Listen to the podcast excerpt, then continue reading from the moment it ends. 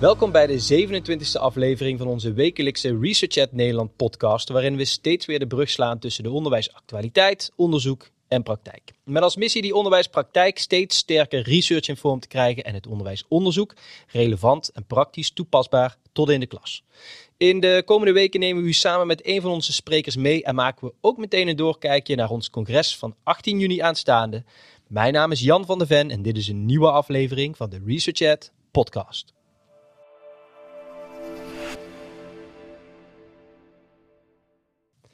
In deze laatste aflevering voor 18 juni een gast die afgelopen weken en maanden in een rollercoaster terechtkwam. Net als veel andere onderwijscollega's die sinds februari maart met onderwijs voor Oekraïnse vluchtelingen te maken kregen.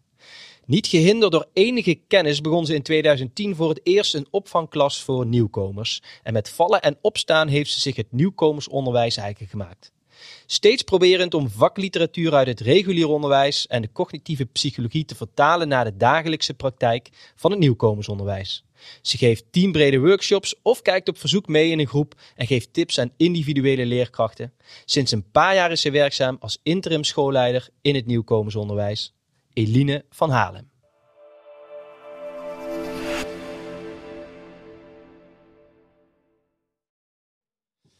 Oké, beste Eline, uh, fijn dat je er bent. Uh, toen je jezelf aanmeldde uh, een aantal maanden geleden, toen het nog op 15 januari stond, onze Research-conferentie, die uiteindelijk dus een half jaar verderop is gepland. Uh, toen zag de wereld er nog heel anders uit om ons heen. En ik kan me voorstellen dat jouw agenda ook anders gevuld was. Heb je eigenlijk nog wel tijd vrij om op 18 juni bij ons op de planken komen te staan. Ik moet eerlijk zeggen dat toen ik vorige week een mail kreeg dat ik mijn presentatie in moest leveren, ik even drie keer moest slikken. En dacht, wanneer ga ik die presentatie maken dan? Um, dus ja, maar ik heb nog vier dagen om mijn presentatie uh, in te leveren. Ah, Oké, nou dat gaat helemaal goed komen, denk ik wel. Nou, over die presentatie, over die sessie in het tweede blokje wat meer. Uh, gaan we wat dieper in op jouw uh, ingestuurde onderwerp. Ehm, en wat daar vanuit actualiteit natuurlijk wel behoorlijk aan raakt, is dat er in heel Nederland op dit moment heel veel scholen, leerkrachten, schoolleiders met onderwijs en Oekraïners bezig zijn. Um, jij ook, hè, vanaf het moment van februari, maart van, van instromen. Um, hoe zag jouw wereld er op dat moment in één keer totaal anders uit? Wat, wat komt er dan op je af? Um, ik, had, ik was al directeur van een gewone nieuwkomersschool. En toen kwamen er ineens een heleboel Oekraïners, waaronder in Harskamp. Uh, waar de, gemeente, waar ik in woon, ik woon in de gemeente Ede en Harskamp ligt daarin. Um, daar waren op dat moment werden gezegd 900 Oekraïners. Nou, dan weet je dat er een heleboel kinderen komen, gemiddeld 10 tot 15 procent. Dus er moet een school opgezet worden. Eline, ga jij een school opzetten? Tuurlijk, je hebt drie weken de tijd. Oh. Um, dus in drie weken tijd hebben we uh, een school opgezet, personeel gevonden, um, facilitair alles in orde gemaakt. En op 4 april zijn we begonnen. Uh, de minister is zelfs nog geweest op dat moment om de opening mee te maken. Ja, en dan begint het eigenlijk pas. Dan heb je het allemaal wel op orde, facilitair en personeelsgezien. Maar ja, wat dan? Wat, wat ga je doen? Uh, personeel wat niet gewenst is om in het nieuwkomersonderwijs te werken. Dus die moeten allemaal ingewerkt worden. Ondertussen loopt je andere school ook nog gewoon door. Ja, het is echt een, een, een, een achtbaan. Het is echt een rollercoaster van, van het ene moment naar het andere en maar door en maar door. Uh, het begint nu een beetje rustiger te worden tot volgende week. Want dan weten we of we na de zomer ook nog doorgaan met deze tijdelijke onderwijsvoorziening.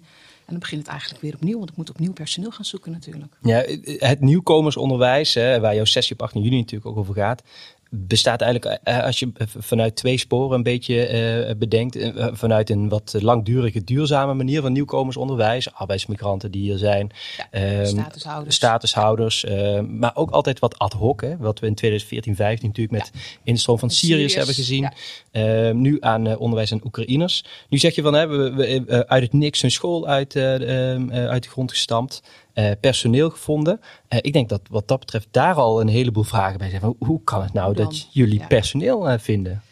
Is ook erg moeilijk. Um, veel gepensioneerden, mensen die dan toch terugkomen. mensen die eigenlijk al het onderwijs hadden verlaten of op het punt stonden om het onderwijs te verlaten. En die dan dit voorbij zien komen en denken, hé, hey, dit is zo anders. Dit ga ik, wil ik eigenlijk wel een kans geven. en mensen die eigenlijk al drie, vier dagen elders werken en zeggen, nou, ik wil wel één of twee dagen uh, op deze school gaan werken. Dat betekent dat je natuurlijk bijzonder weinig continuïteit hebt in je leerkrachten. Uh, er zijn groepen bij, bijna al mijn groepen, staan drie of vier verschillende leerkrachten in één week. dat is natuurlijk veel te veel. Dus de overdrachten zijn natuurlijk ook enorm. Ehm, maar het is niet anders. Ik ben al lang blij dat we het voor elkaar hebben gekregen om personeel te vinden. Um, een aantal mensen hebben nu al gezegd: joh, dit was leuk voor eventjes, maar ik werk al vier dagen. Die vijfde dag die wil ik toch na de zomer weer voor mezelf hebben. Een aantal gepensioneerden hebben al gezegd: het was leuk voor eventjes, maar ik wil nu toch echt nog van mijn pensioen gaan genieten. Dus ik begin dadelijk weer opnieuw met zoeken. Um, en dan hoop ik dat ik alles voor de zomervakantie weer rond heb om op 22 augustus weer te kunnen beginnen. En als je nou een tip zou mogen geven aan uh, gemeenten um, waar het nu speelt van uh, mogelijke noodopvang in te richten, omdat die stroom nog wel heel eventjes aan blijft houden waarschijnlijk. En er komt inderdaad, hè, wat jij al zegt, van als er 900 ehm, Oekraïners komen, dan zit er 10, 15 procent kinderen over het algemeen bij. Dat is een, een rekensommetje wat je natuurlijk met z'n allen snel kan maken. wat zijn nou de, de drie drie eh, grootste tips die je kan geven aan plekken waar er binnen no time iets moet worden verzorgd aan een onderwijsvoorziening uh, in, de, in deze gevallen? Uh, schakel al je besturen in die er in het samenwerkingsverband zijn. Uh, met een beetje geluk is deze op, uh, opvang, deze voorziening binnen één bestuur. als dat niet zo is, probeer dan te kijken waar de penvoerder is en waar alle facturen en alle financiën heen gaan. Uh, schakel alle besturen in dat zij kunnen aanschrijven. Uh, de mensen die recent gepensioneerd zijn, de mensen die recent het onderwijs hebben verlaten. En op die manier te zorgen dat je personeel krijgt. Um, facilitair, schakel weer alles en iedereen in, in je netwerk, in je samenwerkingsverband. Uh, heb je nog tafels over? Heb je nog stoelen over? Um, kijk, potloden, pennen, gummetjes, dat is allemaal natuurlijk zo besteld. Ja. Het gaat juist om de grote dingen. Um, hou er rekening mee dat sommige dingen gewoon niet gaan. Een digibord heeft op dit moment een leeftijd van minimaal twee maanden, dat weet je. Dan bestel je hem dus niet. Want je weet niet hoe lang het gaat duren. En pas als je weet het gaat langere tijd duren of je krijgt het akkoord van je bestuur, dan ga je dat soort dingen ook doen. Kijk, we kunnen best wel lesgeven met gewoon een tafel en een stoel. Meer heb je in principe niet nodig. Mm. Um, dus schakel, vooral schakel het netwerk in wat er om je heen zit en kijk wat je daarmee, uh, wat je daarmee kunt doen. Eh. En hou inderdaad de financiën en het personeel en de penvoerder, hou die, probeer die zoveel mogelijk bij één bestuur te houden. Dat maakt het in de praktijk voor mij als schoonleider een stuk makkelijker. Ja, ook qua aansturing en ook qua, qua regie kan ik me voorstellen. Ja. Uh, en is er iets wat je in die afgelopen vier maanden, waar, je, waar je nu mee bezig bent ten aanzien van dat deel van dat nieuwkomersonderwijs, is er iets waarvan je zegt van oké, nou ben ik uh, heb ik daar toch weer, ben ik daar toch weer ingestonken, om het zo maar te zeggen. Ja. Nou, uh, zo'n valkuil waar je altijd in loopt, ja. waarvan je denkt van oké, okay, als het nou uh, um, volgend jaar weer gebeurt, dan ga ik dat in ieder geval niet meer doen. Of ga ik dat anders doen? Ja. specifiek voor het nieuwkomersonderwijs is de valkuil in dit geval geweest, ach, we hebben zoveel leerlingen, we gaan ze op leeftijd indelen. terwijl mijn gewone nieuwkomersschool hebben we niet op leeftijd. Kleuters zijn apart, maar groep 3 tot en met 8 zit door elkaar. Omdat je nooit weet wat de instroom is. Um, in dit geval uh, dacht ik, nou, we hebben zoveel leerlingen. We zijn begonnen met uh, 70, 80. Ik heb er nu gemiddeld 85. Dat wisselt per dag en per week. Komt aardig in de buurt van die 10 procent, hè? Ja, precies. Ja. Nou ja, er zit ondertussen nog maar 340 man op Haskamp. Dus okay, uh, ja. de rest zit allemaal in gastgezinnen. Um, maar we hebben het dus op leeftijd ingedeeld. En dan blijkt dus dat de ene groep ineens 18 leerlingen heeft. Terwijl gemiddeld in het nieuwkomersonderwijs zeggen we max van 15. Mm -hmm. Dat is echt vergelijkbaar met speciaal onderwijs. Um, en andere groepen hebben maar elf leerlingen. En dan moet je dus met leeftijden gaan spelen. Of je moet steeds de kinderen van, van uh, groep laten wisselen. Nou, dat is gewoon niet handig. Dus na de zomer gaan we ook bij deze tijdelijke onderwijsvoorziening voor de Oekraïnse leerlingen over op drie tot en met acht door elkaar, zodat we alle groepen gelijkmatig kunnen laten groeien en dat alle leerkrachten die weer nieuw zijn in het nieuwkomensonderwijs mee kunnen groeien in wat er nodig is. Ja. En um, dat is wel een valkuil. Ik ben er jaren geleden ben ik er een keer ingetrapt en ik ben er nu weer ingetrapt, maar die gaat hem echt nooit meer worden. Nee, um, nou, nou, kan ik mezelf herinneren, ik heb van 2016 uh, tot 2019 um, in nieuwkomensonderwijs gewerkt uh, naast een asielzoekerscentrum in Overloon met vooral heel veel instroom van Syrische ja. uh, leerlingen destijds. Um, en wat je zegt, het indelen op uh, ja, wellicht niveau beter is dan ook het indelen ja. op leeftijd. Um, soms kreeg je iemand van 11 die nog nooit een potlood vast Precies. had gehouden. Die op het platteland ergens in Noord-Syrië was opgegroeid. Terwijl iemand die in Damascus op een zeer welgestelde school had gezeten. Uh, verder was dan de uh, kinderen die je zelf uh, ooit in groep 5, 6 had gehad hier in Nederlands onderwijs, bij wijze van spreken. Dus enorme niveauverschillen als je kijkt naar het onderwijs aan die Oekraïners, heb je daar ook zulke niveauverschillen als dat je bijvoorbeeld bij, bij Syrische kinderen terugziet? Minder groot. Hè, dat is, ehm, en je hebt het nu specifiek over Syrische kinderen, maar als ik überhaupt kijk naar alle nieuwkomers, Ja. het verschil natuurlijk enorm. Uiteraard, ja. Ehm, bij de Oekraïners is dat minder groot, maar zij beginnen later met school. Ze beginnen pas als ze zes of zeven zijn. Ehm, dus dat is al een verschil. Wat het dit nog extra ingewikkeld maakt bij het eh, onderwijs aan de Oekraïnse leerlingen, er bestaat hier geen noodzaak om het Nederlands te leren. Heb je een gewone nieuwkomersschool, dan heb je 10, 15, 20 nationaliteiten, 10, 15, 20 talen. Dan is er wel de noodzaak om het Nederlands te leren, want dat is de gemeenschappelijke taal. En als jij je buurjongen aan de tafel naast jou wil kunnen verstaan of iets wil kunnen vragen, zul je dat in het Nederlands moeten doen. Dat is nu niet zo. Dus al deze kinderen spreken Oekraïens en of Russisch. Ze zijn bijna allemaal tweetalig al. Ehm, dus de noodzaak om het Nederlands te leren is er niet. Wat het voor de leerkrachten weer ingewikkelder maakt om daar wel wat mee te doen. Daarbij komt dat deze kinderen eh, nog de hoop hebben, ouders al iets minder, van we gaan toch wel terug, dus waarom zou ik? Ehm, maar goed, dat zeiden we in 2015, 2016 ook van de Syriërs. En daarvan is ook het grootste gedeelte nog hier. Je kunt niet altijd terug, Nee. al zouden we het nog zo graag willen. Ehm, en binnen het nieuwkomersonderwijs, je hebt een jaar lang de tijd. En daarna moeten ze eigenlijk door naar het reguliere onderwijs. En als wij dus niet nu al beginnen met het Nederlands aanleren en de Nederlandse woordenschat en het Latijnse schrift, wat we natuurlijk hebben in Nederland, dan als over een jaar alsnog naar het regulier gaan, hebben ze al een achterstand. Dus dat maakt het ook wel weer extra ingewikkeld nu het onderwijs aan de Oekraïnse leerlingen. Ja, dat kan ik me wel voorstellen. Ehm, ook ehm, eh, dat verschil van perspectief, terwijl dat misschien inderdaad nu ook wel wat aan het verschuiven is. Ehm, dat het toch wel eens langduriger zou kunnen zijn als dat je eh, wellicht in februari of maart als Oekraïns gezin hoopte op het moment In dat je maart deze en kant april hebt. dacht iedereen nog, joh, met een maand is het voorbij. En of we dan gewonnen of verloren hebben, maar met een maand is het voorbij en we kunnen terug. En je ziet nu bij heel veel ouders en met kinderen langzaamaan, ehm, het is niet zo. Ja, daar nog wel één vraagje, wat ik, wat ik regelmatig ook terughoor ten aanzien van opvallendheden wat, eh, wat ehm, eh, Oekraïense leerlingen hier meenemen. Naast hè, dat hetgene wat ik altijd ook wel heb gezien bij kinderen in het nieuwkomensonderwijs, een enorm doorzettingsvermogen, ehm, een behoorlijke eh, veerkracht en ook ja, vaak ook een, een hele ehm, grote intrinsieke motivatie om het, om het goed te doen en om het goed te willen doen.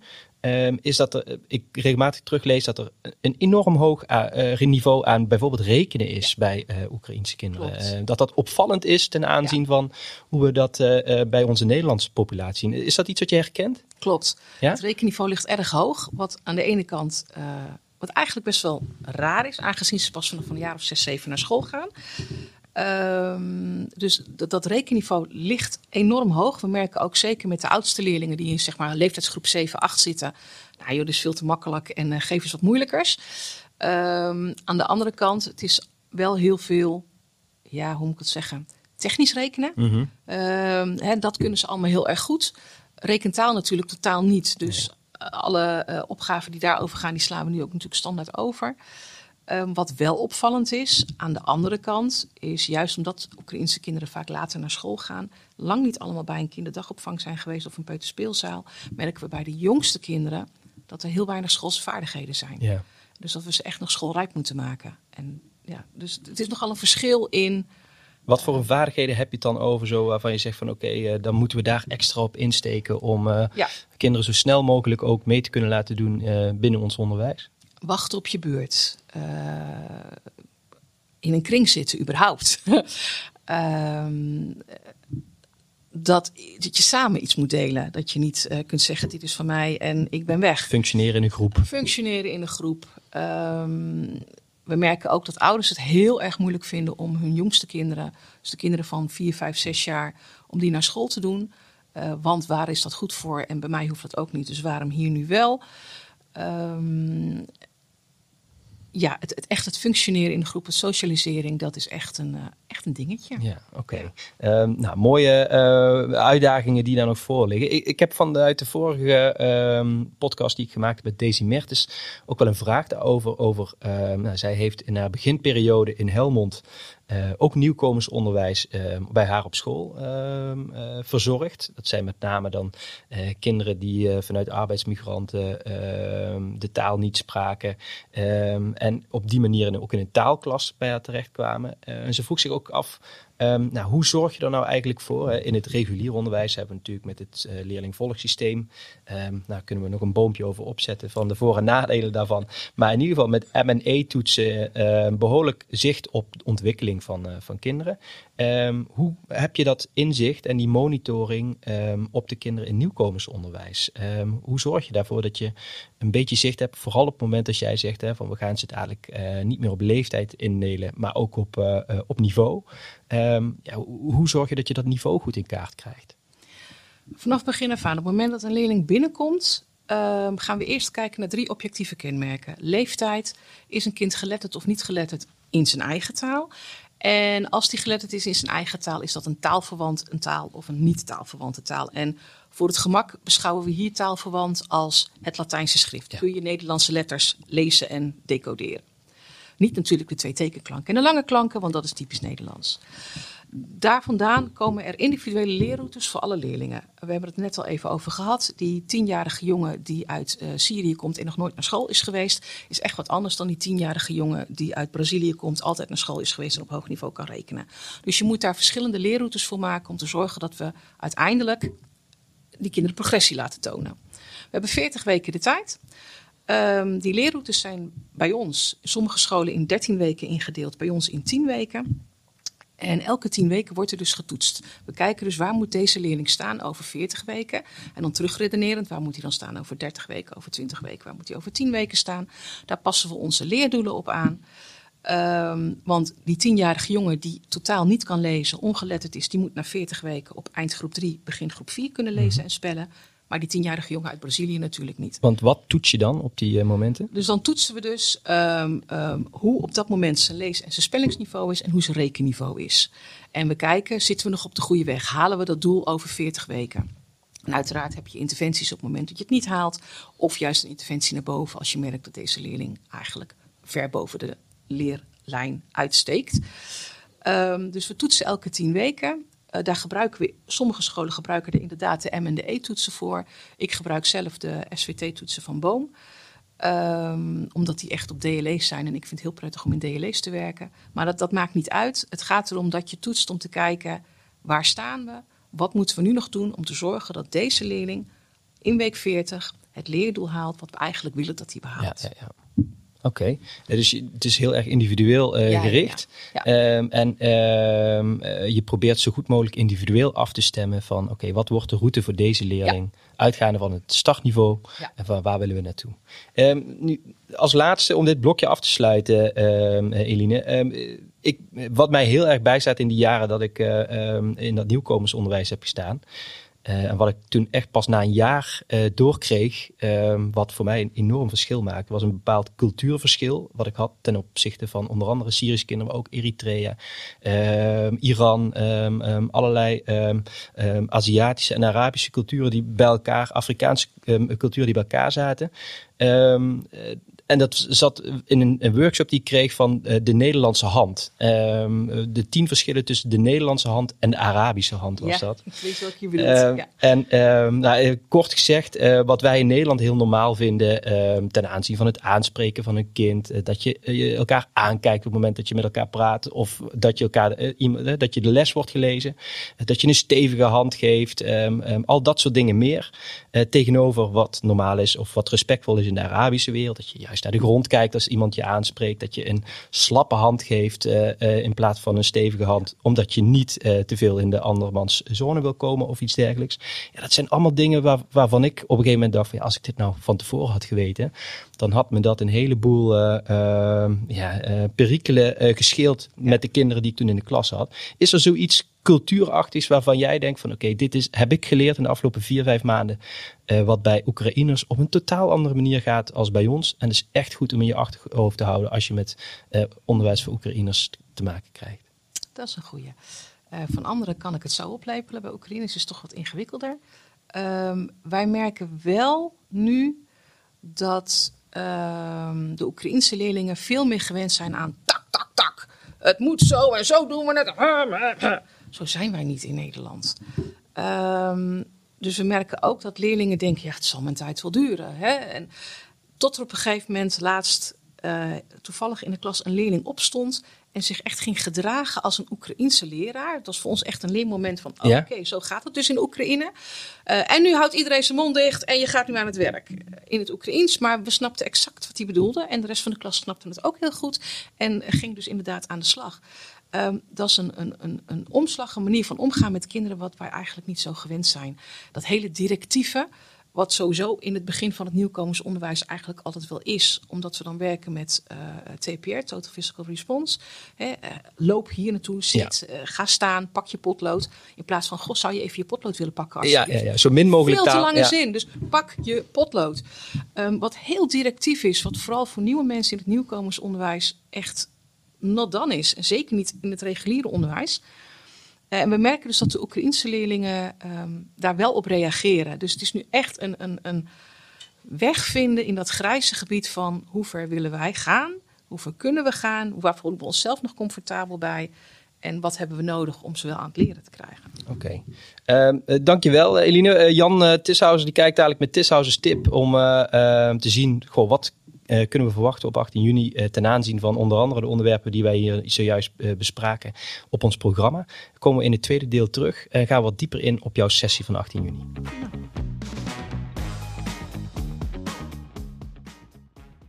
Hallo en welkom bij Tishausers Tip. Ik heb onze luisteraars al eerder gewezen op Eline's sessie Onderwijs aan nieuwkomers, hoe dan?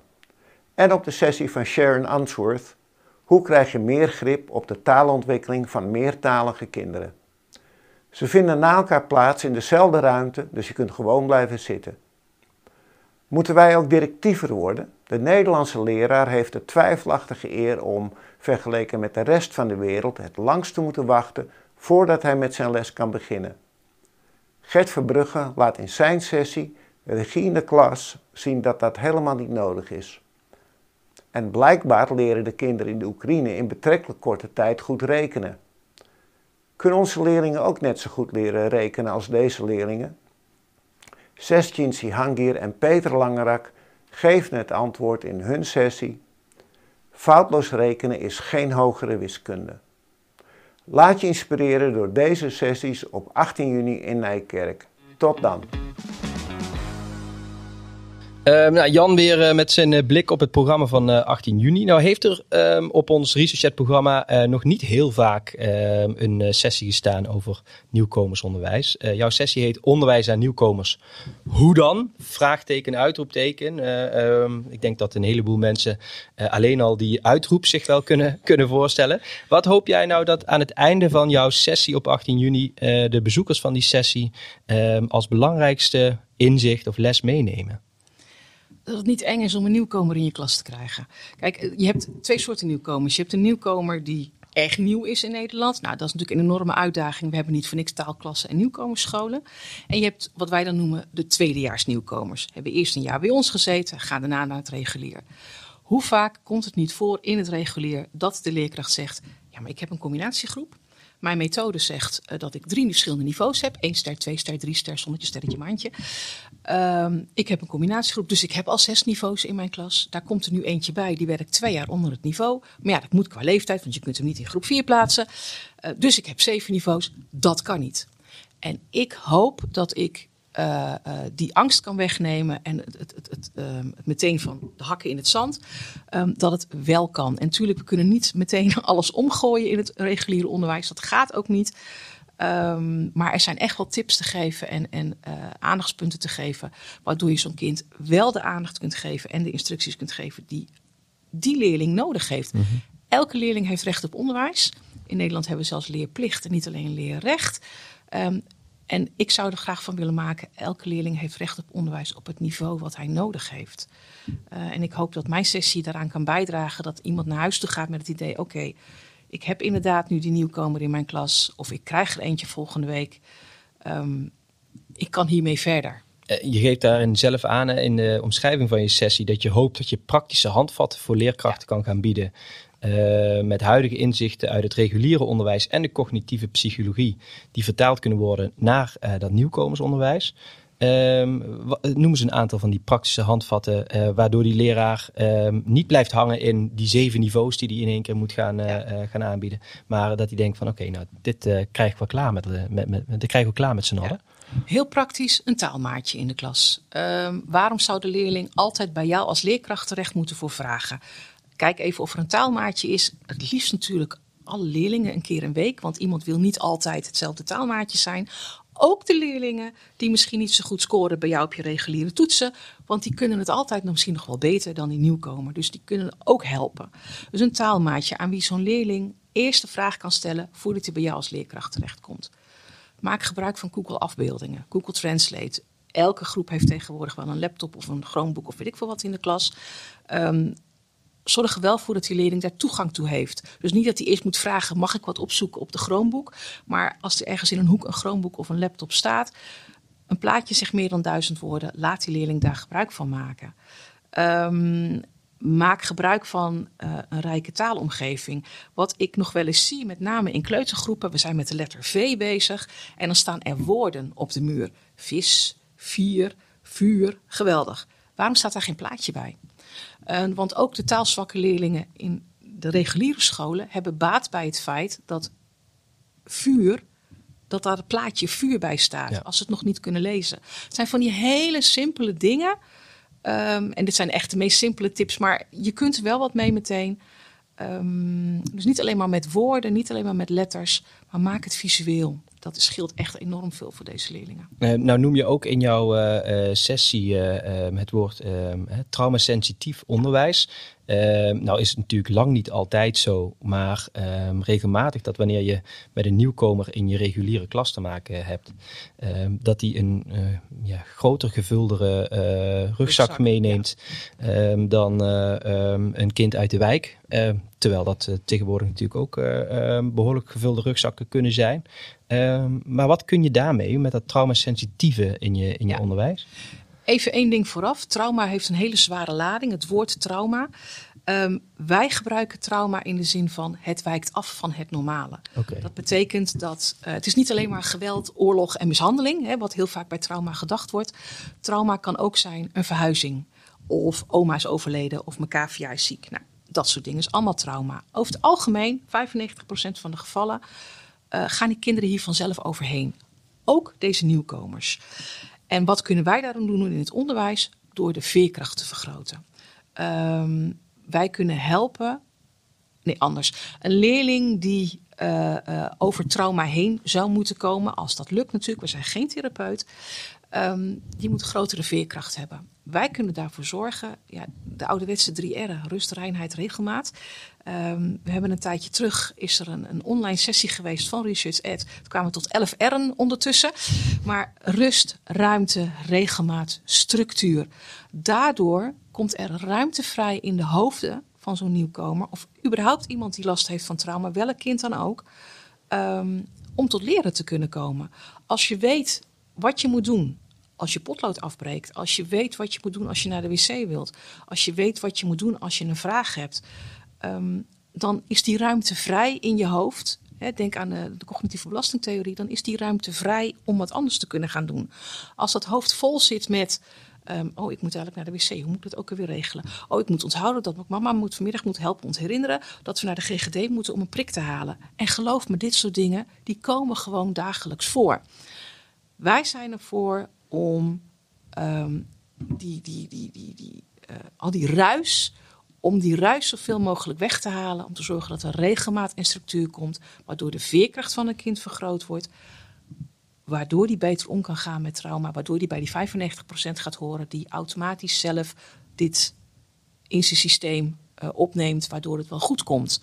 En tuurlijk, er zijn altijd een aantal kinderen bij um, waarbij dat niet gaat lukken.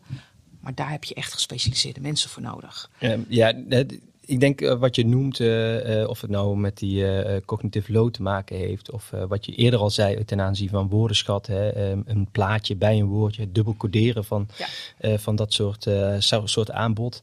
Um, dat het eigenlijk heel erg, ook met die drie R'en die je noemt, iedereen heeft hier baat ja. bij. Ja, ja, ja, ja. ja, het is niet specifiek voor nieuwkomers. Alleen wij noemen het traumasensitief onderwijs, omdat binnen het nieuwkomersonderwijs natuurlijk heel veel kinderen last hebben van trauma. Wat uiteindelijk wel weer reguleert, maar daar moet je wel bij helpen. Maar traumasensitief onderwijs is ook denken aan jezelf. Dus ehm, dat wij als leerkrachten, als teamleden niet alle verhalen van school mee naar huis nemen. Hmm. Dat we onszelf uh, uh, goed voor onszelf zorgen. Als je goed voor jezelf zorgt, kun je ook goed voor een ander zorgen. Andersom niet. Um, traumasensitief onderwijs is ook dat je met ouders in gesprek gaat en dat je hetzelfde zegt en doet. Wat in dit geval ook weer te maken heeft met cultuursensitief onderwijs. Want uh, binnen veel culturen staat onderwijs vrij hoog in de hiërarchie. En als de juf zegt het moet zo, dan zal de ouder zeggen daar ben ik niet voor. Terwijl wij in Nederland natuurlijk heel erg gewend zijn aan, nou ja, als je toevallig één keer een kind aanraakt, dan staat soms de ouder de volgende dag al op de stoep. Een hele andere manier van omgaan met. Maar um, het, het traumasensitief onderwijs, het zorgen voor die veerkracht, voor die structuur, daar hebben enorm veel kinderen, ook in het reguliere onderwijs, enorm veel baat bij. Ja, um, ik herken dat heel erg. En ook, je zegt 95 procent, geef je ook expres aan van uh, dat uh, 95% van de kinderen uh, daar uiteindelijk zelf hun weg mee weten ja. vinden. Uh, nu heb ik zelf ook wel eens die andere 5% meegemaakt uh, bij, binnen het nieuwkomersonderwijs. Dat je denkt van ja, dit gaat zo ver boven mijn pet ehm, dat ik handelingsverlegen ben. Ja dat ik zelf dacht, hoe dan? Hoe dan? Ja, ik ben toch geen therapeut, hè, nee. wat je zelf al aangaf. Uh, heb je daar tips voor, voor uh, uh, hoe, hoe, daarmee om te gaan? Of waar je dan op zo'n moment ook terecht kan, specifiek um, op het gebied van problemen die um, um, bij nieuwkomersonderwijs kunnen komen kijken? Helaas is dat natuurlijk landelijk overal verschillend. Elk samenwerkingsverband, elke gemeente heeft daar zijn eigen dingen voor. er zijn steeds meer uh, organisaties die daarop inzetten. Bijvoorbeeld de Trauma Company, die toch nu wel redelijk landelijk werkt. Um, beeldend therapeuten, speltherapeuten die hier wat mee kunnen. En heb je natuurlijk echt een fase verder, hè, die, die laatste 1, 2, 3 procent. Ja, dan, dan moet je echt een, een andere iets. Dan moet je via je huisarts uh, op zoek gaan naar een, een, organisatie die echt met, met geestelijke gezondheidszorg werkt. Want dan heb je het over EMDR-therapie bijvoorbeeld. Maar daar zijn wij niet voor. Wij kunnen alleen maar doorverwijzen naar. En natuurlijk in gesprek met ouders, herken je dit van thuis of juist niet? Um, kinderen kunnen zich thuis echt anders gedragen dan op school. Dat is in het regulier niet anders, maar in het nieuwkomensonderwijs helemaal. Omdat ze soms gezien worden als de man in huis. Of omdat ze niet hun ouders nog meer willen belasten met alle problemen die er toch al zijn. Um, maar dan heb je echt gespecialiseerde hulp nodig. Dus zoek dan hulp via je IB'er, via je samenwerkingsverband. Zij kennen de weg, zij weten waar ze moeten zijn.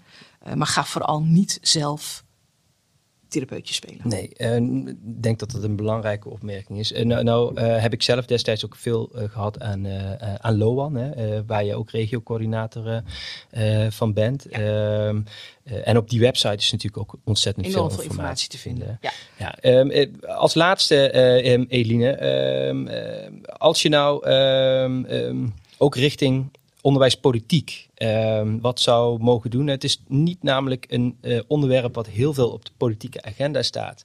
Uh, terwijl er uh, denk ik nog wel een heleboel te winnen is.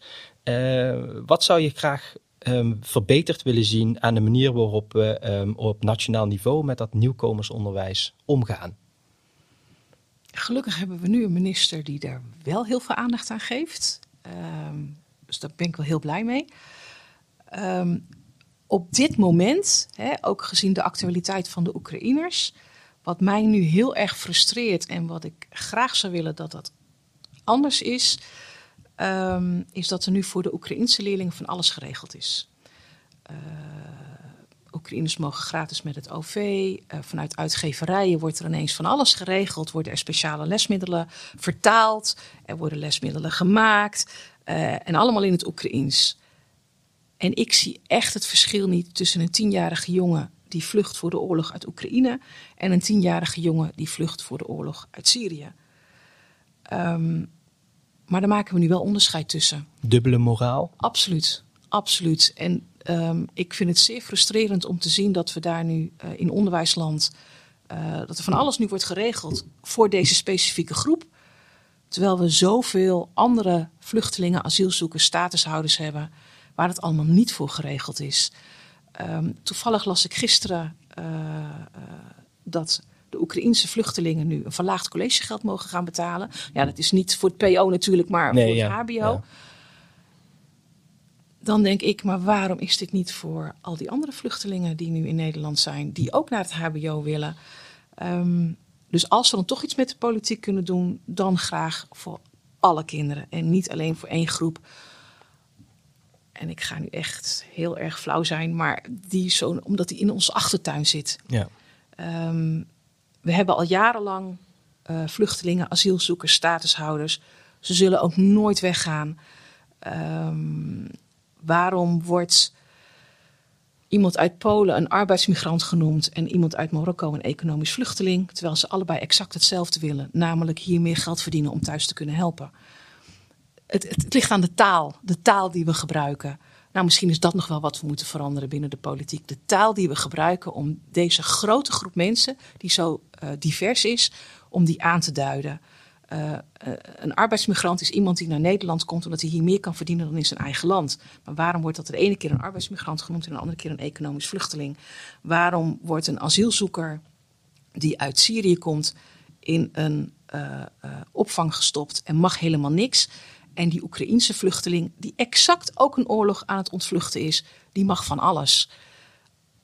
Ja, ik, ik, ik kan er met mijn pet niet bij. Ik vind dat heel ingewikkeld. Onderwijs inhoudelijk doen wij exact hetzelfde voor de Oekraïnse vluchtelingen als voor de Eritrese vluchtelingen. Ja, op die school worden ze allemaal hetzelfde We behandeld. zijn allemaal hetzelfde, ja. Maar daarbuiten... Um, In de politiek niet, nee, dat vind ik jammer. Ja, oké. nou dat is een mooi pleidooi, uh, Eline, waar ik me uh, totaal bij kan aansluiten. Dus ik hoop Fijn. dat uh, um, als er meegeluisterd wordt, uh, dat het wellicht ook nog wel opgepikt wordt. Um, ik wil jou in ieder geval ontzettend bedanken voor de inkijk die je vandaag gegeven hebt ten aanzien van het nieuwkomersonderwijs.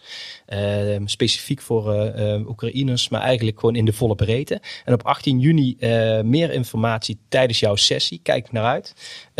volgende aflevering van onze podcast, die nemen we waarschijnlijk op op 18 juni zelf. Gaan we daar op het congres zelf doen. Um, dank voor het luisteren. Uh, tot de volgende keer. En mocht je je ticket voor 18 juni nog niet binnen hebben, kijk dan snel op www.researchat.eu.